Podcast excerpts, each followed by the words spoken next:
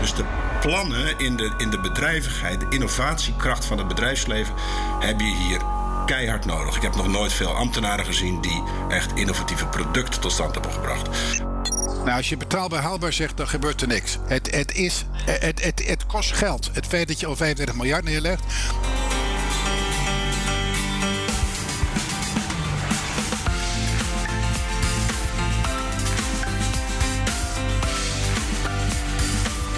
Je luistert naar De Questie, een podcast van de Amsterdam Business School. In deze podcast praten we over de wetenschappelijke inzichten bij en de echte impact van bedrijfskritische ontwikkelingen. Mijn naam is Sander Denneman.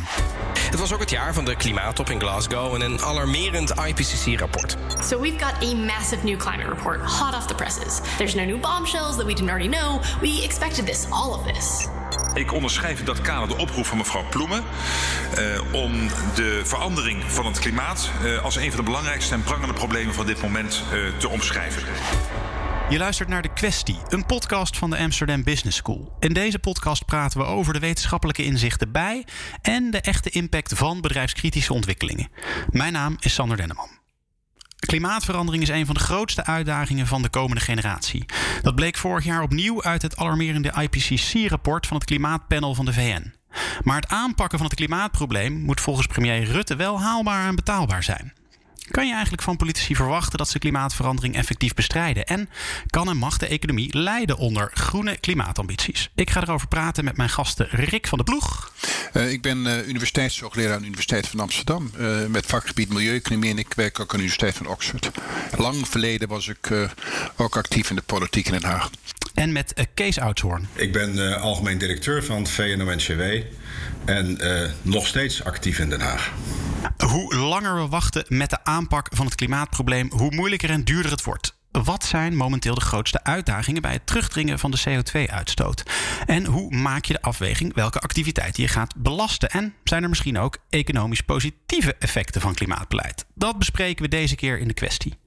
Rick van der Ploeg, hoogleraar Environmental Economics aan de Amsterdam Business School, Universiteit van Amsterdam. En Kees Oudshoorn, algemeen directeur van werkgeversorganisatie VNO-NCW. Welkom beiden.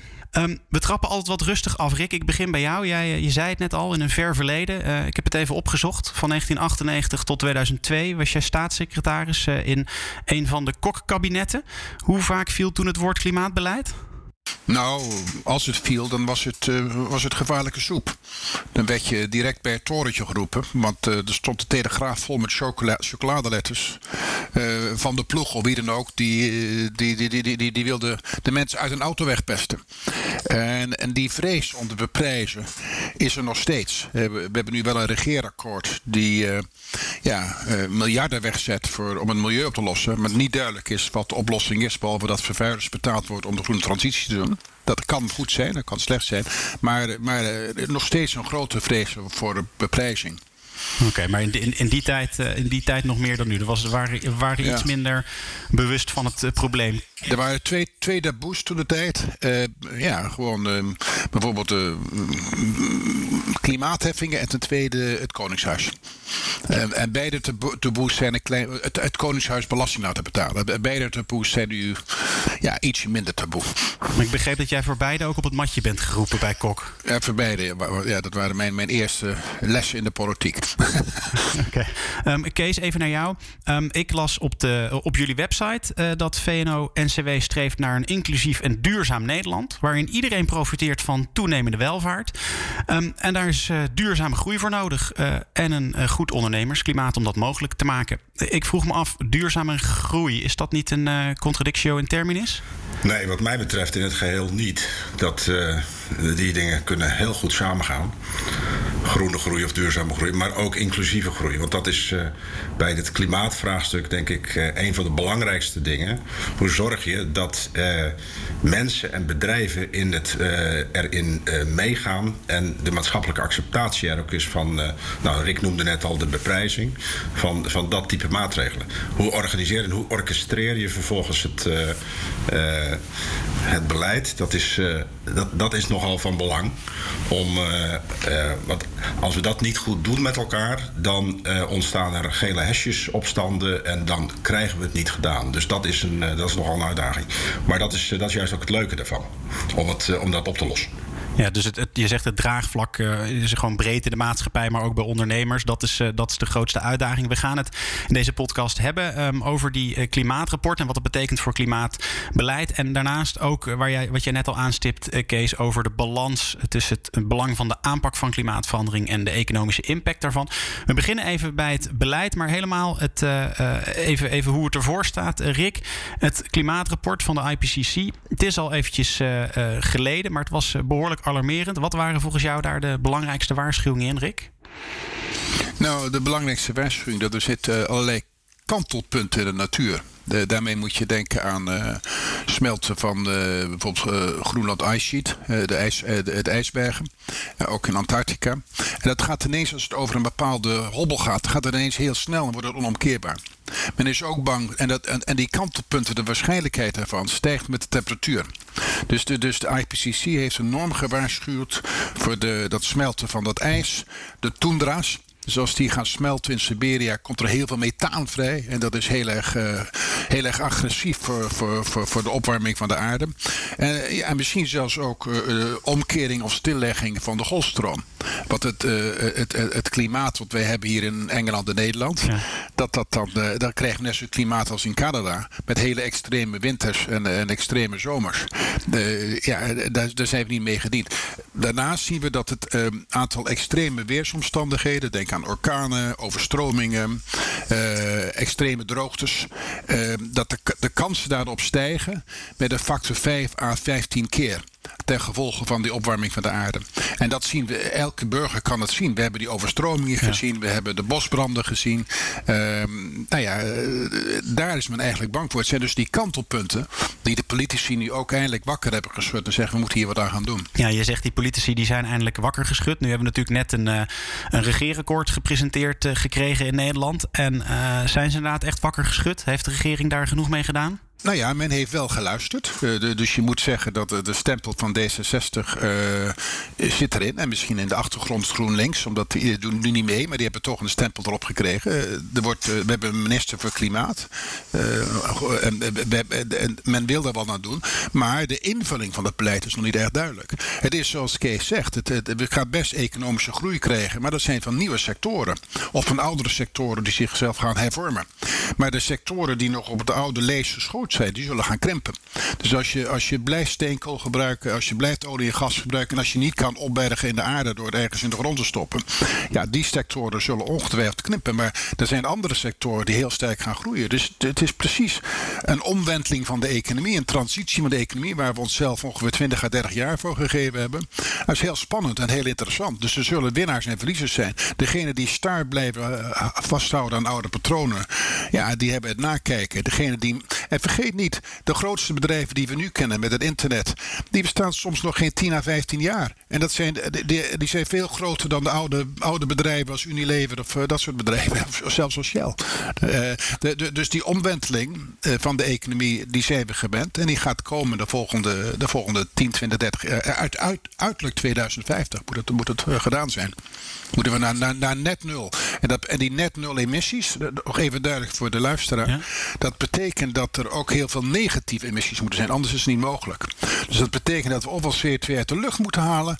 of we moeten CO2 in de grond stoppen. Dat zijn nog niet bewezen technologieën. Ja, die zijn in theorie mogelijk. Ze zijn nog veel te duur. We hopen dat er de technologische vooruitgang komt... dat dat rond 2030, 2040 mogelijk is. Daardoor is een hele belangrijke pijler van het hele beleid... dat zo, zo uh, de heer Oudster met me eens en ik... is, is een enorm uh, zet op, op technolog technologische vooruitgang. In, in, op, op al die terreinen. Kees, ben jij tevreden over, over, wat, uh, over het regeerakkoord? Ja, ik ben wel tevreden, omdat er uh, wordt ingezien dat, je, uh, ja, dat er ook al enorm geïnvesteerd moet worden. Ook door de, vanuit, de, vanuit de publieke kant. Natuurlijk ook zeker vanuit de private kant. Dat is, uh, dat is hard nodig. Maar we moeten. We, kijk, het is, allemaal, het, zijn allemaal, het is allemaal prachtig papier. Maar we moeten het nu in uitvoering brengen.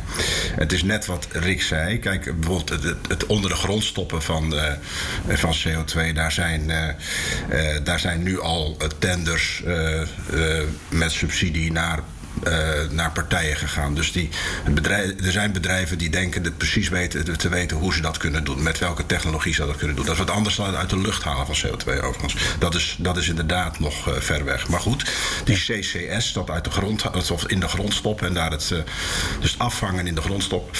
Dat, is, dat, ja, daar kan, dat kan in Nederland goed bij in lege gasvelden, bijvoorbeeld voor de Noordzee. Maar dat is maar een onderdeel, is een manier om negatieve emissies te maken. Maar dat is maar een onderdeel van de hele transitie. De hele transitie houdt ook in uh, dat wij uiteindelijk geen CO2 meer uitstoten, maar ook dat, we, eh, dat wij met onze grondstoffen op een andere manier eh, omgaan. De hele circulaire economie.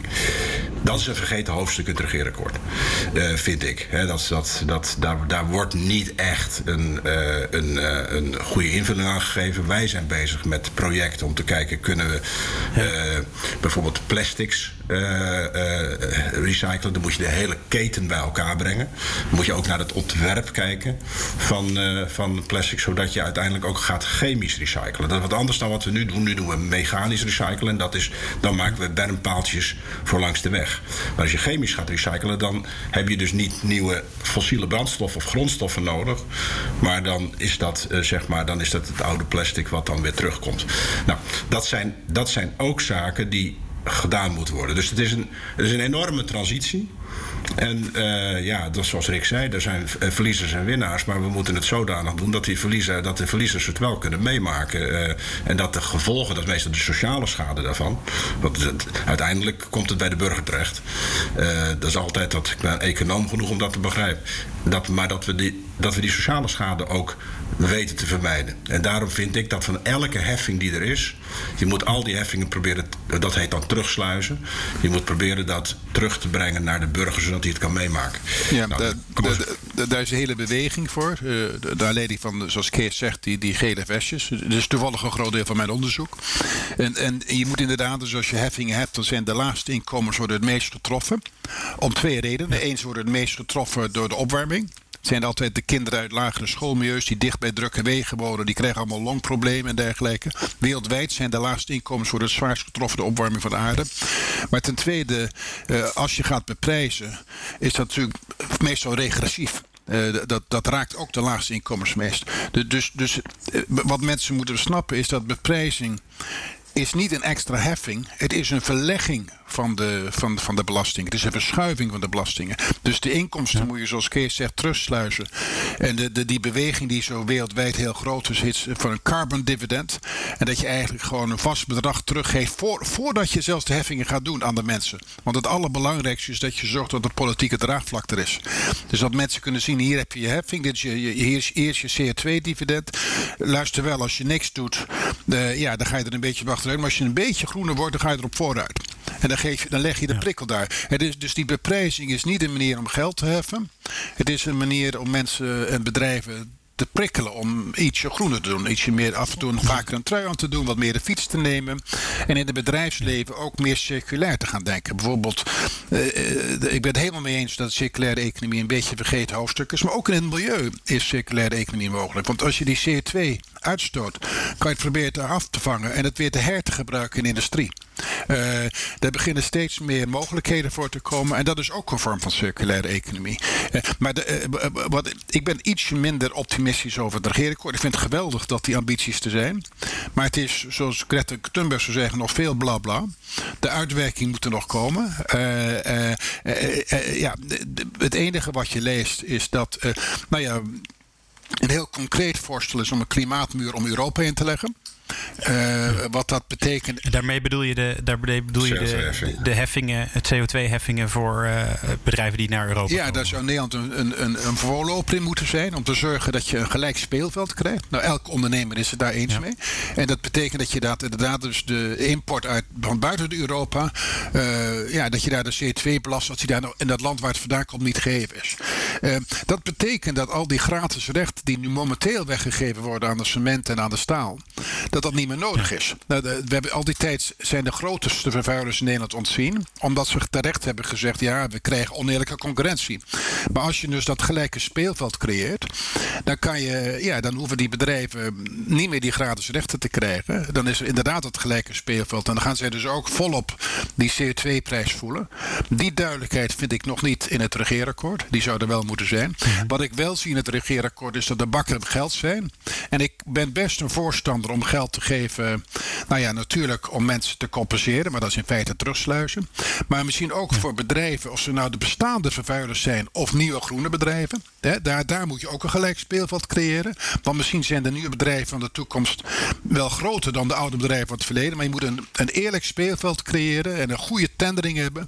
Dat, de mensen, dat, dat, dat die bedrijven met de, meeste, eh, de beste groene ideeën, dat die uit die ruif kunnen eten. Dus dat je, want het, het nadeel waar ik altijd bang voor ben, in het verleden is dat altijd gebleken, dat de bestaande grote bedrijven, die zitten om tafel. Terwijl de, de, de bedrijven met de nieuwe ideeën, die zitten nog, nog niet aan tafel. Vaak zit het in midden- en klein bedrijf. En nou, Kees weet er alles van. En, en daar zitten misschien verdomd goede ideeën die je ook een kans moet geven. En ik, ik, vind, ik vind gewoon dat de uitwerking van het regeerakkoord, nou dat zullen we nog zien de komende maanden. Uh, en, en, daar kan je een beter oordeel vellen. Ja, en want zijn we niet, want dat, dat vroeg me nog af, want je, je hoort Rutte ook zeggen, het moet betaalbaar en haalbaar zijn. Het klinkt bijna als een soort van utopische klimaatstrategie proberen te, te ontwikkelen. Nou, als je betaalbaar haalbaar zegt, dan gebeurt er niks. Het, het, is, het, het, het kost geld. Het feit dat je al 35 miljard neerlegt. Men zegt het is betaalbaar omdat men een soort een belachelijke theorie heeft van de overheidsfinanciën. Zelfs de liberalen, de VVD'ers, die geloven niet meer in prudente overheidsfinanciën. Dus de rekening wordt geschoven naar generaties ver in de toekomst.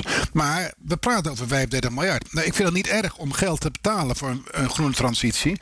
Maar, maar, maar doe niet naar de burger toe alsof het, uh, ja, alsof het niets kost. Zij merken de hogere elektriciteitsrekening. We zullen proberen, moet gedaan worden, om dat, zo, dat effect zo klein mogelijk te maken. Maar te doen alsof een waterpomp in je huis zetten om van het gas af te gaan, dat dat geen geld kost. Ja, dat is van de zotte. Dus het, het, het, het, het, kan, het is al betaalbaar in die zin, maar het kost wel wat. En, en het haalbare, dat hebben we zowel Kees en ik duidelijk benadrukt. Dat je moet zorgen dat de mensen die uh, zonder een schuld te hard getroffen worden, ja, dat je die moet compenseren. Dus we zitten, de, de, de, de, dat is belangrijk. Ja, dat, dat brengt me even. We zijn, uh, we zijn op het midden. Dan, dan gooien we er even altijd een, een, een stelling in. Um, ik wil graag van jullie horen of jullie het ermee eens zijn of oneens. En dan gaan we er daarna over doorpraten. Uh, Komt-ie.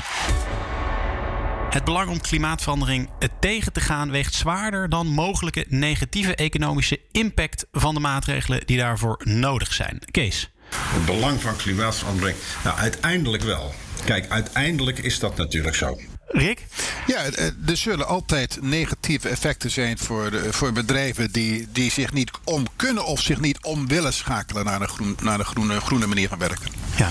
Dus, dus, ja, dus er zullen economische kosten zijn voor bepaalde sectoren. Ja. Kees, jij, jij wil zeggen uiteindelijk wel. Nou, kijk, uit, wat ik met uiteindelijk bedoel is dat het, uh, maar dat is natuurlijk een wereldwijd probleem, is dat de, de, de toekomst van het leven op aarde, om het even dan wat groter te maken dan, uh, ja, is afhankelijk van het vraagstuk of wij wat doen met het. Uh, met, uh, of wij nou serieus dat klimaatvraagstuk aanpakken. Dus uiteindelijk is dat. Ja, en dan, uh, dan moet je door transities heen waarbij nou het enige. waarbij er partijen zijn ja, die, zich, die, hun, die hun business of hun, hun, hun manier van doen moeten veranderen. Dat is, dat is, dat is uh, simpelweg een, uh, een, gegeven. Nu is de vraag: kun je, kan je het nu zodanig doen dat uh, niet al die mensen denken: nou, het is allemaal, het is niet haalbaar en betaalbaar en ik doe het dus maar niet. Of krijg je ze mee? Maar dat was mijn, mijn, begin, mijn beginpunt. Dus ik denk dat dat van belang is. En ja, we lopen nu in Nederland. Kijk, er zijn natuurlijk geweldige plannen op dit moment. Eh, vanuit ja. grotere bedrijven, maar wij hebben ook een hele grote groep groene groeiers. Allemaal uh, start-ups en scale-ups. Die bezig zijn met allerlei fantastische ideeën. Dus de plannen in de, in de bedrijvigheid, de innovatiekracht van het bedrijfsleven, heb je hier keihard nodig. Ik heb nog nooit veel ambtenaren gezien die echt innovatieve producten tot stand hebben gebracht. Maar wel, dat doet wel het bedrijfsleven. Dus ik denk dat, je, dat we dat keihard moeten, keihard nodig. Maar die bedrijven kunnen het ook weer niet alleen. Want je hebt een energieinfrastructuur nodig die er anders uitziet dan nu. Uh, we hebben een waterstofinfrastructuur nodig als we straks naar waterstof gaan. Dus we zijn. Uh, en dus er is wel. En, en er is een overheid nodig die inderdaad aan de social cost of carbon, zoals, dat, zoals Rick dat noemde in een eerdere podcast. Die, uh, dat, ja, die, dat, dat, dat heeft een dat heeft een prijs nodig. En, die, uh, en daarvoor hebben we weer in dit geval hebben we, de, hebben we een heel goed Europees systeem, het ETS-systeem wat werkt. Maar dat wordt nu ook verbreed daar in dat uh, hele goede plan van, uh, van Frans Timmermans. ga ook naar richting luchtvaart en de gebouwde omgeving. Daarmee krijgt CO2-beprijzing dus een grotere werking.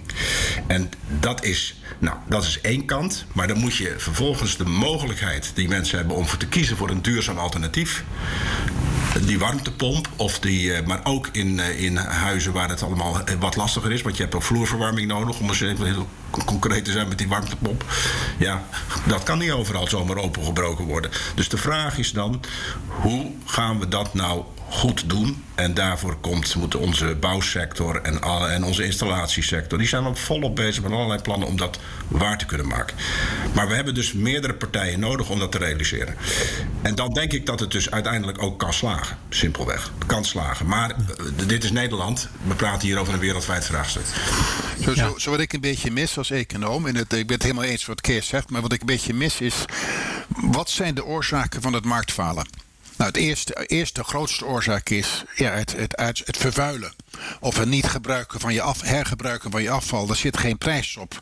Dus er is, is geen enkele incentive om je CO2 in de grond te stoppen totdat er een prijs is. Dat is het eerste. Maar ten tweede hebben vele, vooral beginnende bedrijven, hebben enorme problemen om kapitaal te krijgen.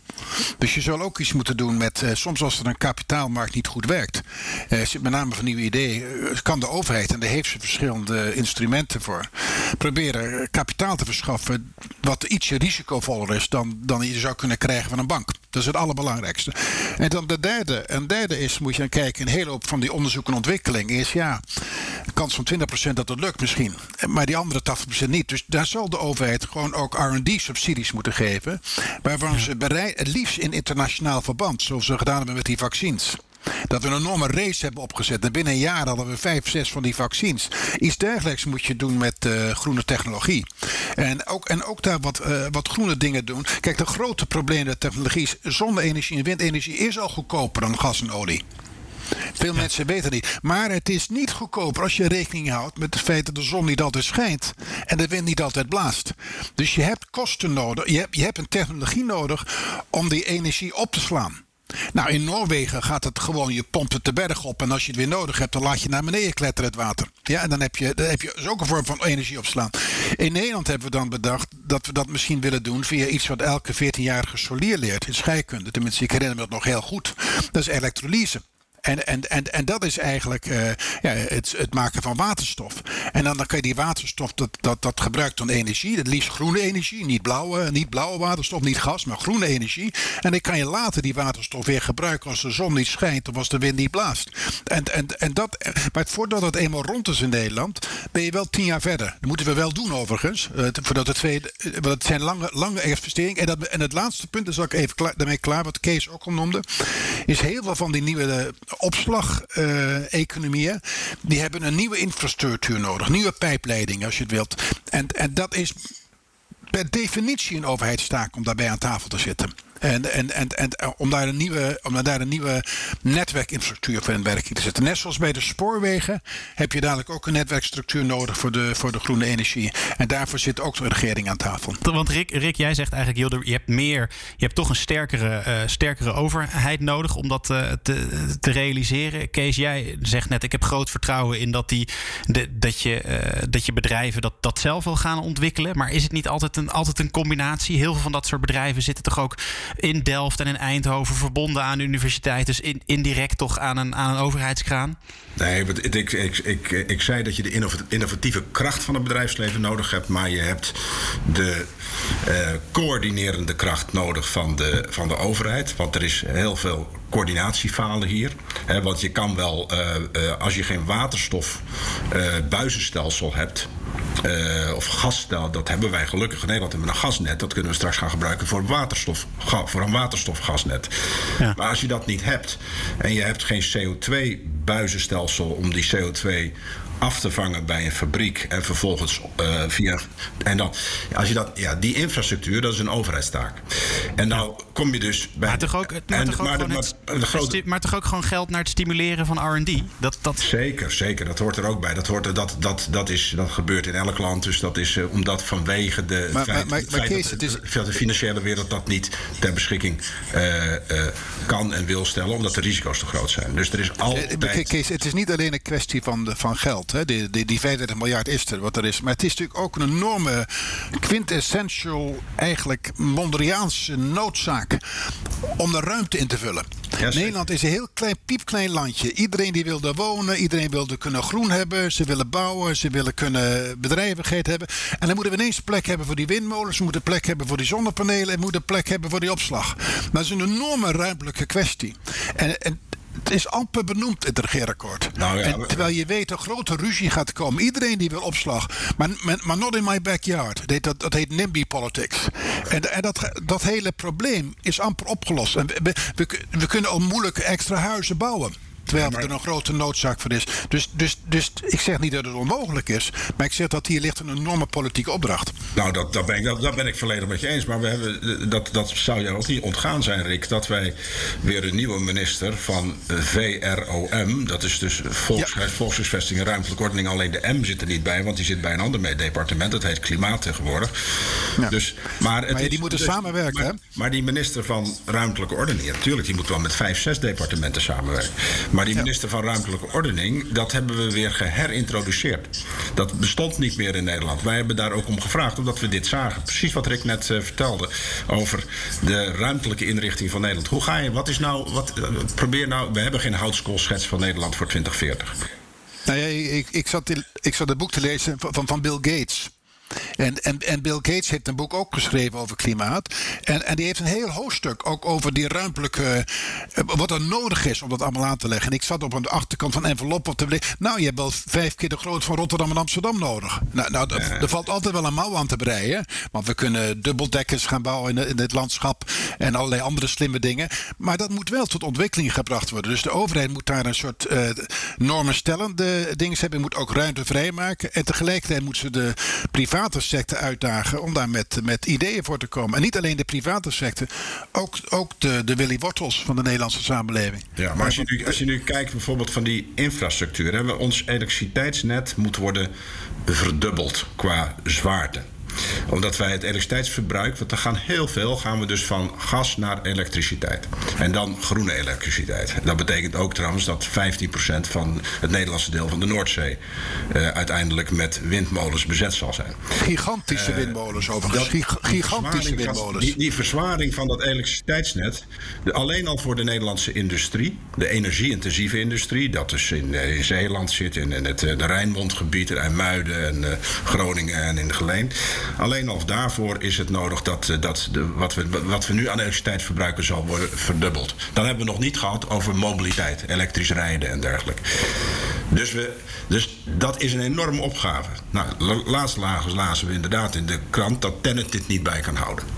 Wat is het geval met al die netbeheerders? Eh, eh, simpel bottleneck. Ze hebben te weinig technici tekorten aan technici. Te weinig monteurs, te weinig mensen die dat kunnen. Andere bottleneck, ruimtelijke ordeningsregels. Het duurt tien jaar voordat ze een, uh, een, een, station hebben aangelegd in dat elektriciteitsnetwerk.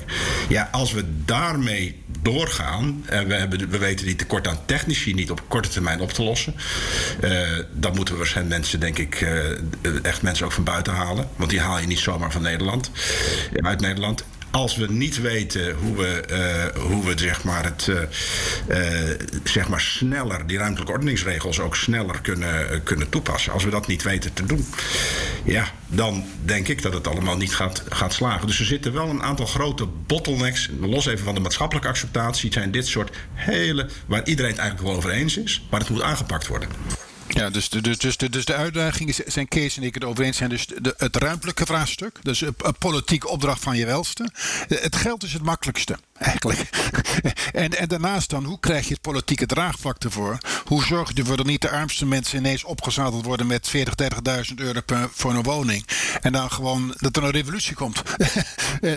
dat je die, die gele vestjes moet. En tegelijkertijd zeg ik ook als links, als, als, als ex, als, als je moet niet natuurlijk de kippen met de gouden eieren slachten. Je hebt natuurlijk bepaalde bedrijven in Nederland die erg goed zijn. En je moet ze proberen te helpen die groene transitie te maken. Zonder de, de, de, zonder de deur te sluiten voor, voor, voor, nieuwe groene bedrijven. Ja, en, en waar ik toch nog, nog benieuwd naar ben, want, want eh, jullie schetsen de, de uitdaging. Hè? Je, je ook heel concreet praktische problemen. Je zegt net zelf, nou dat geld weet je, is misschien niet eens het grootste probleem.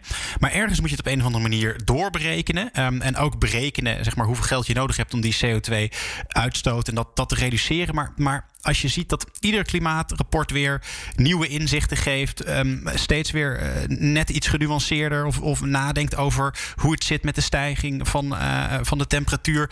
Slagen, slagen jullie als economen, Rick, er eigenlijk wel in om, om daar goede modellen voor, uh, voor te vinden, hoe je dit, dit gaat bekostigen? Nou ja, de economen doen altijd een welvaartsanalyse. Maar de, de praktijk is dat de IPCC zegt: laten we nou maar gewoon praktisch zijn.